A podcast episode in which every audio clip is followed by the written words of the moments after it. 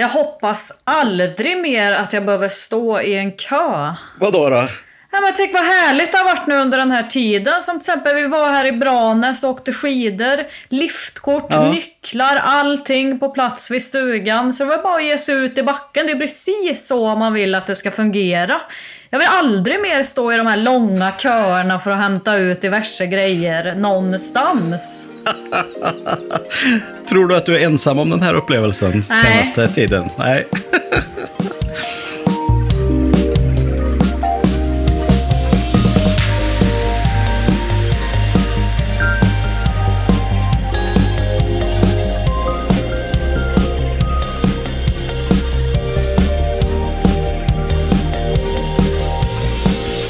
Ja, varmt välkomna till Be Digital-podden! Säsongsavslutning! Hej Hurra, Stefan! hurra, hurra, hurra! Ja, tjenare, hej! Jag hör att du är laddad inför dagens avsnitt. Skojar du? Som vi säger här i Arvika. Nej, ja, verkligen. Det här ska bli superkul att höra vad du har för olika spaningar som du har gjort senaste tiden. För jag vet att du har varit ute på lite spaningsäventyr, har du inte det? Ja, nej men precis. Så det ska vi prata mer om här. För visst är det väl som så att eh, Dagny inte är ensam längre? Nej, precis. Och där kan man ju kanske fundera på, vem är Dagny? Men Dagny på, har ju fått massa nya kompisar på internet, så det ska vi prata mer om. Det ska vi göra, verkligen. Ja. Så varmt välkomna du som lyssnar till Be Digital-podden här. Um, hur, hur mår du idag, Lise? Jag mår jättebra här. Vi har precis passerat eh, jul när vi spelar in det här avsnittet. Japp, det är mellandagarna och vi har kopplat upp oss här i våra hemmapoddstudios, får vi väl kalla det här då. Det är lite fake, men vi är ju på olika platser här i Karlstad och i Arvika. Och, eh, ja, hur har julen varit? Det har varit lugnt och skönt och härligt. Eh, Hur har du haft det, Stefan? Har du gjort någon personlig digital spaning här i det senaste när du har fått lite ledig tid? Känner du till Roblox? Ja, med tanke på att jag har en eh, sexåring och en åttaåring här på hemmaplan så känner jag definitivt till det.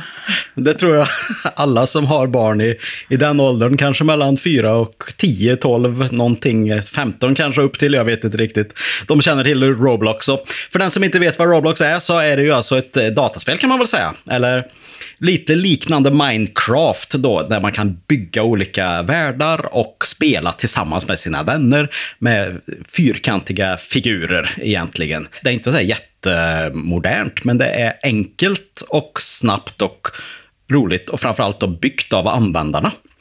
Och det finns tusentals spel inne i det här, som alltså våra barn spelar. Och vad är din spaning här nu då i, i Roblox-världen? Jo, det som jag tänkte på var att innan julafton här så frågar vi ju vad önskar ni er i julklapp? Nu måste ni skriva era önskelistor. Och barnen gick iväg och skrev och kom tillbaka. En stor lapp där det stod iPad med Ä. Och det var i princip det de ville ha, en iPad. Och så frågade jag, vad ska du göra med den då? Jag ska spela Roblox. Ja. Och sen stod det lite, med lite mindre stil där nedanför under ät så stod det också Robux. Och vet du vad Robux är Alice? Ja, det är jag mindre bekant med, men jag tänkte att det är ett område jag inte ge mig in i. Nej, och det här är faktiskt intressant eh, även för oss vuxna. Och det är ju nämligen att Robux är alltså den digitala valutan i spelet Roblox. Och det betyder att eh, man då kan, eh, man har ju viss grunduppsättning av sin, sin figur som man är och kanske sitt hus och, bil eller vad man nu har för olika saker. Det beror, ser olika ut i alla olika spelen. Men eh, man kan alltså, alltså förgylla dem med olika digitala element som en ny digital frisyr, ett nytt ansikte, facelift, få, få något klistermärke på din bil eller samma kavaj som din favorit-youtuber eller något sånt. Och de grejerna kostar pengar. Alltså man köper dem i spelet helt enkelt eh, för eh, då den här digitala valutan Robux. Och det intressanta var när, när, när vi får en sån här, får ni också såna här julklappskataloger hem innan jul från leksaksaffärerna? Nej. Nej, okej. Okay. Det är en sån fysisk katalog som brukar komma i brevlådan från Leklandet eller något sånt här. Eh, Lekia kanske det är. Ja. Och, och då kan man bläddra där. Och tidigare så har vi lämnat den här och så får ni ringa in det ni tycker vill ha och då ringa in i princip allting. I år var det ingen av barnen som brydde sig det minsta om den här katalogen. Ni får ringa in vad ni vill ha. Nej, jag vill bara ha Robux. Det enda de ville ha var en digital valuta. Och jag hade ju kanske önskat att de skulle vilja köpa bitcoin eller, eller något annat som växer eller har i alla fall möjlighet att växa. Men nej, nej, nej, det var Roblox för att de då vill köpa olika typer av grejer i de här spelen. Så vad är det man köper egentligen? Jo, man köper kanske då en övervåning till sitt hus eller en kavaj eller en hatt och så vidare. Och man bränner ganska snabbt en hundralapp i Robux. Men vad ska man göra? Som förälder. Så det blev en hel del Robux i julklapp helt enkelt här. Och det är väl en spaning, tänker jag. Köpen av det här fallet då, av leksaker minskar till förmån då för digitala saker. Då pratar jag inte prylar utan då pratar jag 100% digitala eh, tjänster eller tilläggsprodukter i spel. Och det här gäller ju inte bara Roblox, det här finns ju många andra liknande spel som det här kan gälla också.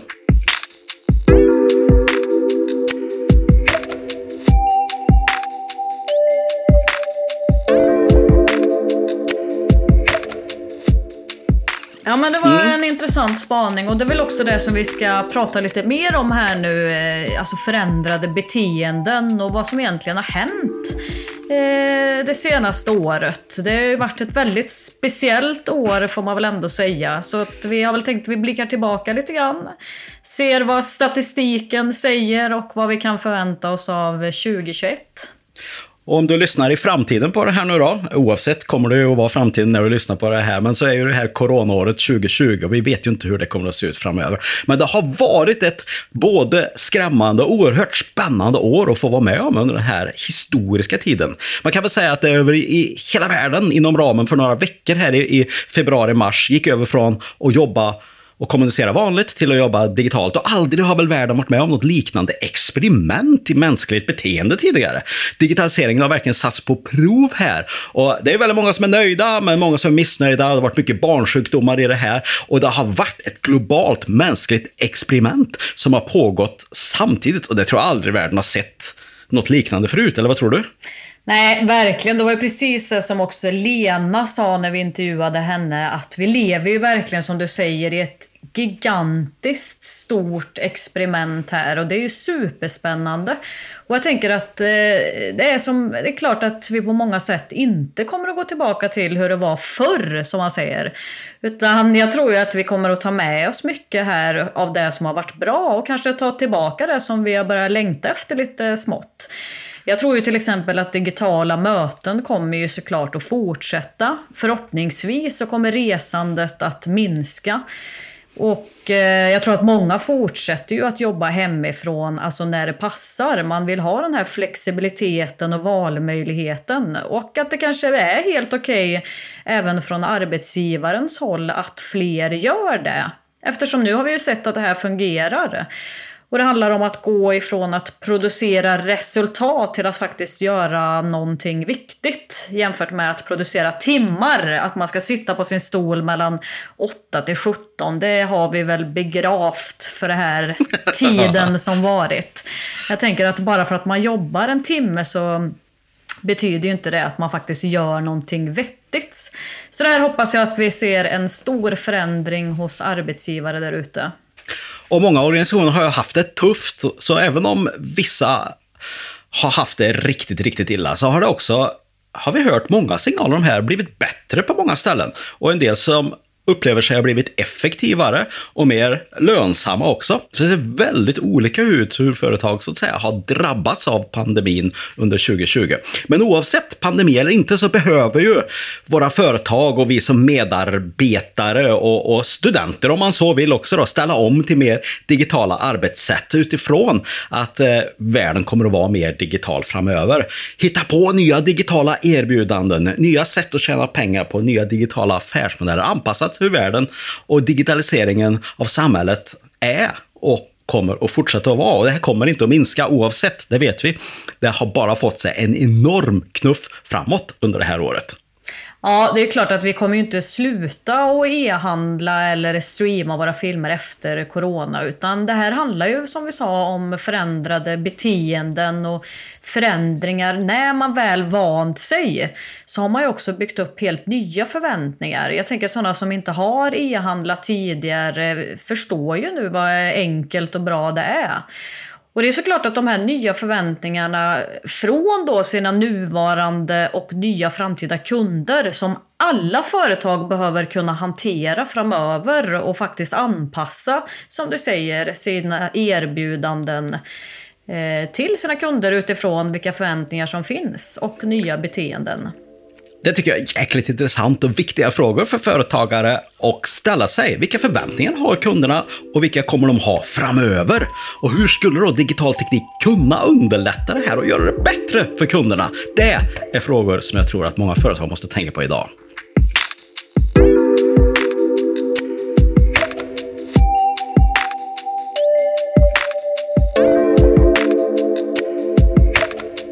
Men ska vi inte ta in eh, den här statistiken som du pratade om lite grann här förut? Du var ju med här i mitten av december på en spännande dragning om svenskarna och internet. Och, och, och först innan jag ställer nästa fråga här så får du förklara för den som inte vet. Vad är svenskarna och internet? Ja, men det är ju Internetstiftelsen som de heter som gör sin årliga rapport där de tittar på svenskarnas internetvanor. Och det här är ju en rapport som de släpper årligen. Och man får väl ändå säga att eh, Sverige 2020 så har ju verkligen digitaliseringen fått visa vad den går för och internet har ju varit en ovärderlig hjälp under pandemin för väldigt många. Det är ju faktiskt tack vare internet som vi har kunnat hålla kontakten eh, under den här sociala distanseringen. Vi har kunnat handla mat och uppleva kulturella evenemang utan smittorisk. Vi har jobbat och studerat på distans, men eh, det här digitala livet har inte varit eh, lika roligt för alla och det är det som Internetstiftelsen framförallt har fokuserat på i årets rapport. Hur har upplevelsen varit och vad är det som har förändrats där ute? Så för den som inte vill eh, sitta och läsa, jag vet inte hur många sidor den här rapporten är, men den är ganska omfattande i alla fall, eller? Det får man ju verkligen säga. Gillar man att grotta ner sig i data och statistik så är det en hel värld av spännande grafer och siffror här. Så du var ju med på deras webbinarium där de presenterade de viktigaste slutsatserna. Så jag tänkte att du skulle få berätta för mig här nu och lyssnarna, vilka är de viktigaste grejerna som vi bör ta med oss om vad som har hänt under 20 här, eh, 2020 ska jag säga. Ja, nej men som sagt, internetanvändningen har ju verkligen inte minskat och det tror jag vi alla har förstått vid det här laget. Men vi inledde ju poddavsnittet här och pratade om att Dagny hade fått sällskap. Och vem är då Dagny? Jo, det är ju en pensionär som har fungerat som en förebild inom det digitala. Hur hon har med hjälp av eh, digitaliseringen gjort massa spännande saker, vilket ju är kanske ovanligt då om man är 100 år. Men i år så har pensionärerna äntligen tagit klivet ut i det digitala på riktigt. Så det får vi väl ändå säga varmt välkommen till ett helt gäng nya internetanvändare där ute. Wow, häftigt! Med också ja. helt nya beteenden och som också vill ägna sig mer åt digitala aktiviteter även efter pandemin. Mm. De hade med sig en pensionär där 70 plus som sa att jag känner inget behov av att gå runt med kundvagn i en butik varken nu eller i framtiden. Det låter ju nästan som dig där Lisa. Ja, precis. Inga mer köer. Nej, precis. Eh, den här rapporten visar ju också att 9 av 10 som arbetar hemifrån under pandemin vill fortsätta att göra det även i framtiden, som vi också har pratat om. Digitala videosamtal har ju skjutit i höjden och det är också främst bland de äldre befolkningen. Men fler känner sig också övervakade och faktiskt oroade över att få sin personliga integritet kränkt på nätet. Och det här är väl någonting som jag tänker att vi ska återkomma till i mm. nästa säsong, Stefan. Det tycker jag verkligen att vi ska djupa, för det har pratats mycket om det eh, senaste tiden. Så det ska vi djupa under våren här, absolut. Mm. Men sen ser man också att även om man är väldigt nöjd med många saker som man gör digitalt, hur man handlar, hur man jobbar och hur man umgås, så har också missnöjet med både andras och sin egen digitala skärmtid ökat under pandemin. Alltså man är inte helt nöjd med hur man spenderar sin tid och att man kanske framförallt spenderar för mycket tid på sina skärmar. Men den digitala skärmtiden får pensionärerna att känna sig mer sociala. Men tvärtom för de studerande då, som känner sig allt mer ensamma och mår allt sämre av sin distansundervisning och längtar tillbaka till skolan. Eh, så där ser man ju också skillnader då i. Medan vi tycker det är, de flesta tycker det är jättebra att jobba hemifrån, att det fungerar bra. Att pensionärerna tycker att de får mer ut av det digitala. Så gymnasieeleverna och studenterna saknar då det fysiska i skolan. Och det är ju som de säger i rapporten att det är väl kanske de ungas enda länk som de har till det sociala skolan eftersom de redan är så digitala. Ja, många ungdomar kommer ju hem direkt från skolan och sen tillbringar de resten av kvällen med sina skärmar på ett eller annat sätt. Och då är väl skolan här en, ett avbrott där som man uppskattar. Och träffa andra och umgås och vara social rent fysiskt. Och nu när det inte blir så, när man får 100% skärmtid under dagarna, ja, det påverkar det deras mående på sätt som vi inte kanske hade förutsett tidigare. Nej, precis. Och jag tänker också att det här med att jobba hemifrån, det kräver ju också en viss disciplin och att man har en viss struktur som vi också har pratat om under den här säsongen. Och det här är väl kanske någonting man lär sig genom åren, hur man kan lägga upp det. Ja. Eh, något som vi har fått höra är ju att man ska lägga undan sin mobiltelefon när man går och lägger sig och man ska helst inte ha den i sovrummet alls. Under det här året så har hälften av internetanvändare tittat på sin mobil under natten. Vad tror okay. du om det här? Är du en sån eh, som tittar på din mobiltelefon under natten, Stefan? Abs absolut inte. Nej, det är inte jag heller. Jag har den helt avstängd. Uh, och, och det är det bästa som finns. Eh, det, det, går inte att bli väckt. Eh, man blir väckt av tillräckligt många andra saker i form av katter och, och andra saker som händer. Så jag vill inte bli väckt av en mobiltelefon också. Men det har också blivit mycket bättre med, med funktioner som man kan ställa in. Så det, där är ju att ta lite eget ansvar för att ställa in sin telefon. Att, att, att, det, att man ska tysta ner ljud efter klockan 10 till exempel. Och ställa in skärmen så att man får night view istället. Som gör att, att man inte blir så, så pigg av ljuset från telefonen om man ändå tittar på den innan man går och lägger sig och så vidare. Så där har ju verkligen eh, telefonutvecklarna eh, börjat att bygga för det här. Men sen är det ju vårt eget ansvar att faktiskt eh, se till att man inte tittar på den på natten. För att, om man inte sover, det är ju det mest katastrofala som finns för hälsan. Det vet ju mm. alla. Precis, men här tror man då att det har funnits ju en stor oro och man kanske har släktingar och vänner som befinner sig på andra sidan jordklotet som man vill kolla hur de har det där ute i världen. Så det är klart Så kan det också vara. Mm. Absolut. Ja. Men, ja, men äh, om man nu vill gå vidare och, och fördjupa sig i det här, vart hittar man den här rapporten? Och, ja, hur gör man då? På hela rapporten finns ju på internetstiftelsen.se.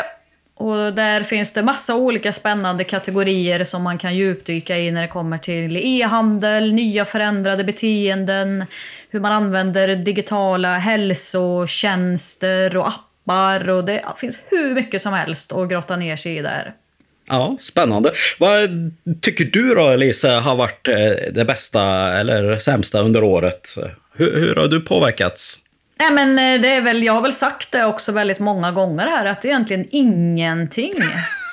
Va? Som blivit sämre. Okej. Okay.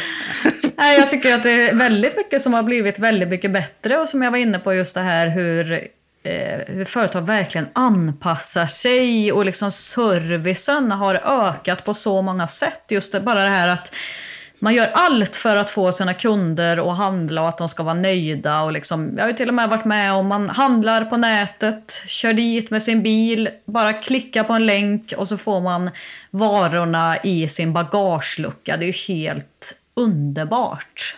Säger du hej då till den som lämnar eh, varorna i din bil? Jag vill ju ha, helst ha så lite mänsklig kontakt som möjligt. Så att den här tiden har ju varit fantastisk för mig. Vad säger du, Stefan? Jag tycker att det är ganska fascinerande hur vi på, under det här året blivit utbildade inom det här kan man väl säga. Både för att hitta innovationer och hitta nya sätt att tänka kring det här. I service, hur kan företag ge service på nya sätt. Man måste verkligen tänka till. Och hur utformar jag min butik? Och, hur, hur har jag företagsbesök? Om man tidigare åkte runt som företagssäljare i sin bil och besökte kunder på dagarna så måste man helt enkelt nu hitta nya sätt att boka möten och genomföra det på. Så väldigt många har ju fått en utbildning ja, ofrivillig utbildningsinsats under det här året inom det här området. Vilket jag tror att har gjort väldigt många företag mer effektiva. Och i ditt fall då så upplever du att det har blivit bättre. Och det tycker jag många andra har sagt också. Eh, det har tagit en liten, i, liten barnsjukdomsperiod för att hitta de här lösningarna. Men nu finns de här på många sätt och de kommer att vara kvar efteråt också. För det är ju ganska typiskt att när vi inför ett nytt beteende till exempel då, efter 9-11 så införde man de här extrema kontrollerna vid flygplatserna. Och det trodde man ju att det kanske bara var tillfället just då. Det var så man sa det, det var så man motiverade säkerhetskontrollerna på det extrema sättet. Men sen har det bara fortsatt att varit så. Och den typen av beteenden eh, tenderar vi att behålla. Och det tror jag vi kommer att se här också. Mm. Vad är det som, vad, vad, är det då som du gillar med, med allting det här egentligen? Kan du ge några exempel? Nej, men jag, jag har ju alltid gillat saker som hjälper mig i vardagen och som framförallt hjälper mig att effektivisera min tid. Och det här tycker jag ju att vi ser massa, massa bra exempel på hur företag underlättar för mig att handla, underlättar för mig att träna. Eh, massa sådana små saker i vardagen som spelar väldigt stor roll. Och där tycker jag man blir så glad när eh, företag verkligen är så mån om sina kunder och, och ser liksom också värdet i sina kunder. Så att jag tycker att servicenivån här har ju nått en helt ny nivå och det borde ju alltid fungera så.